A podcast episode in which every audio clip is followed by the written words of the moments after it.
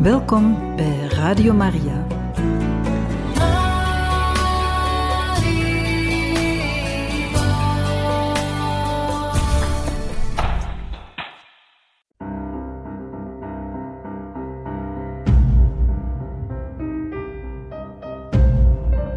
Het woord spreekt. Een programma van Radio Maria.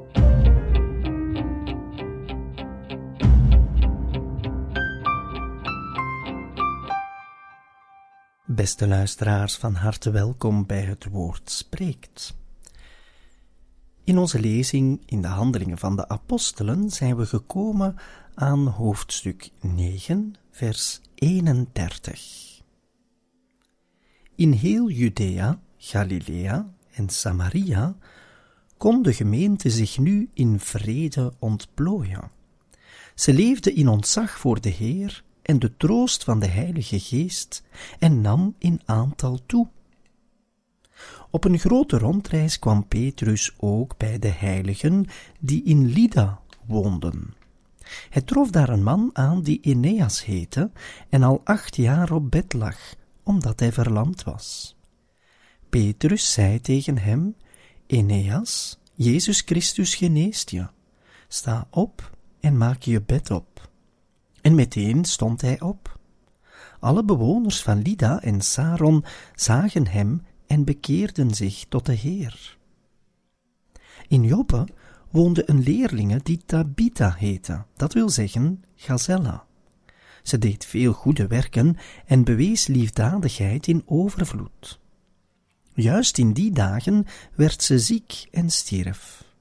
Men waste haar en legde haar in een bovenvertrek omdat Lida dicht bij Joppe ligt, stuurden de leerlingen, die gehoord hadden dat Petrus daar was, twee mannen naar hem toe met het verzoek: Kom zonder uitstel naar ons toe. Petrus ging direct met hen mee. Na zijn aankomst brachten ze hem naar het bovenvertrek. Daar kwamen alle weduwen bij hem en ze lieten hem onder tranen de kledingstukken zien die Gazelle maakte toen ze nog bij hen was. Petrus stuurde ze allemaal weg, knielde neer en bad. Toen keerde hij zich naar het lichaam en zei, Tabitha, sta op. op. Ze deed haar ogen open en toen ze Petrus zag, ging ze overeind zitten. Hij reikte haar de hand en hielp haar opstaan. Daarna riep hij de heiligen, ook de weduwen, en liet hun zien dat ze weer leefden. Dit werd bekend in heel Joppe, en velen gingen geloven in de Heer. Verscheidene dagen bleef hij nog in Joppe bij een zekere Simon, een leerlooier.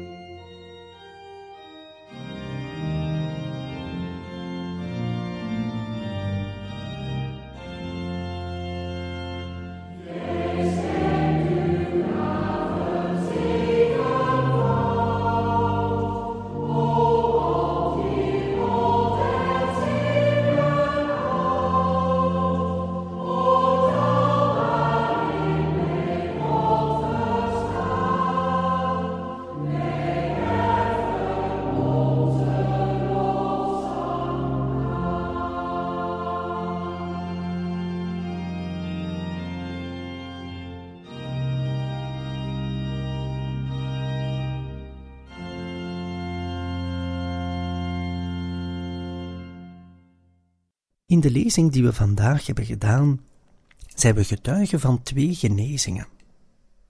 Petrus gaat een lange tocht tegemoet.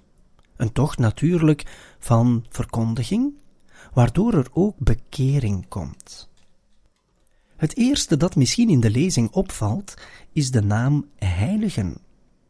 Op een grote rondreis kwam Petrus ook bij de heiligen die in Lida woonden. Heiligen moeten we nog niet direct begrijpen zoals we het vandaag begrijpen, namelijk degene waarvan de kerk heeft gezegd dat ze met zekerheid in de hemel zijn. Met heiligen bedoelt men hier de eerste christenen. Men noemde hen heiligen omdat ze de weg volgden van Jezus Christus, het evangelie volledig beleefden. Dat wil niet zeggen dat ze geen zondaars meer waren, maar wel dat ze de juiste weg hadden gekozen. Men noemden hen heiligen. En dus wanneer Petrus bij de heiligen komt, dan wil dat zeggen dat hij op bekend terrein komt. Hij weet dat daar waar hij nu is, dat hij mensen tegenkomt die hetzelfde denken, die in hetzelfde geloven, of beter nog, in dezelfde persoon geloven. Maar net voordat we dit lazen, stond er. De gemeente, dus de eerste kerk, kon zich nu in vrede ontplooien. Wanneer er vrede is, wel, dan is er, zeg maar, heiligheid.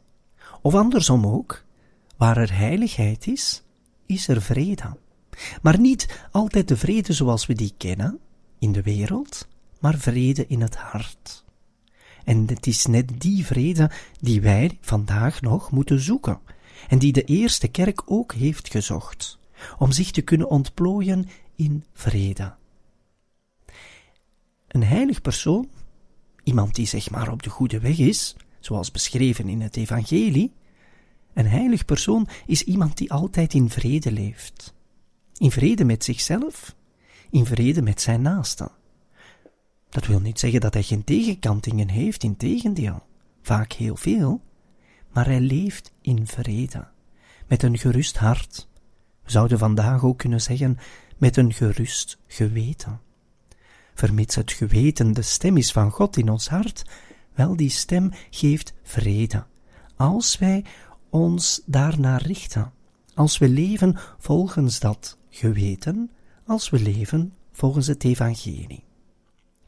En zo zijn er twee getuigen vandaag, namelijk Enea, dat is een eerste persoon, en dan hebben we ook nog Tabitha.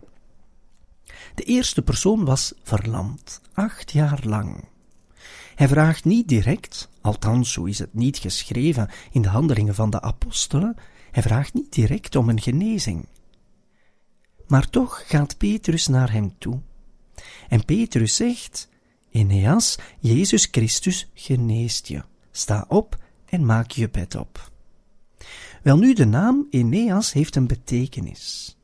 En dat wil zeggen loven, God loven. Eneas had dus eigenlijk als roeping om God te loven, te prijzen, om God, zeg maar, te danken voor zijn genaden, voor de schepping, voor alles wat God voor ons doet. Maar omdat hij verlamd was, kon hij dat niet. Natuurlijk deed hij dat in zijn hart. Maar Jezus zal hem, door toedoen van Petrus, genade tonen. Eneas zal terug zijn roeping moeten doen. En dat is God loven. En dat is een werk van een heilige. Een heilige looft God altijd. Als we heilig willen worden, wel, dan moeten we God loven en prijzen voor zijn genade. We moeten Hem danken voor de schepping. We moeten Hem danken zelfs voor ons. Dat Hij ons het leven heeft gegeven, dat Hij ons heeft gewild, dat Hij ons heeft bemind. Eneas zal dat doen. En dan hebben we nog de tweede persoon. Dat is een zekere Tabitha, waarvan er gezegd wordt dat ze veel deed, goede werken en liefdadigheid, in overvloed staat er. Tabitha was dus ook weer een van die heiligen. die eerste christenen die volledig het evangelie beleefden zoals het bedoeld was door Jezus Christus. Tabitha zal sterven. En de gemeenschap rond zal Tabitha beginnen missen voor al het goede dat ze deed. Ze roepen Petrus en Petrus zal bidden. Het staat er ook letterlijk. Na zijn aankomst brachten ze hem naar het bovenvertrek. Daar kwamen alle weduwen bij hem en ze lieten hem onder de tranen de kledingstukken zien die Gazelle maakte toen ze nog bij hen was. Petrus stuurde ze allemaal weg, knielde neer en bad.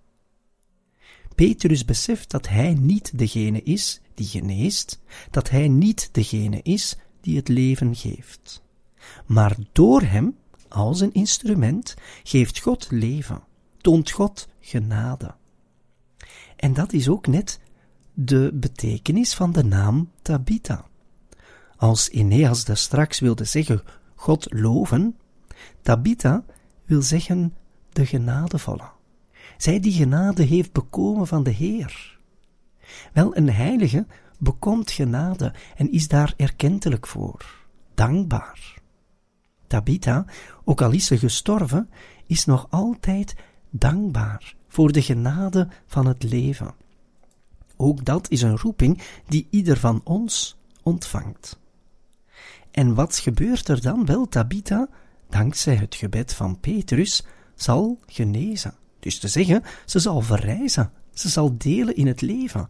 En dat is een teken gegeven, heel specifiek op dat moment, om aan te tonen dat de genade levend maakt. En als men levend gemaakt wordt, dan is dat maar met één doel: God loven, God danken, God prijzen. Er zijn voor God, zoals God er is voor ons. En zo, dankzij het gebed van Petrus, ziet de eerste kerk waar de echte roeping is van de christenen op weg naar heiligheid.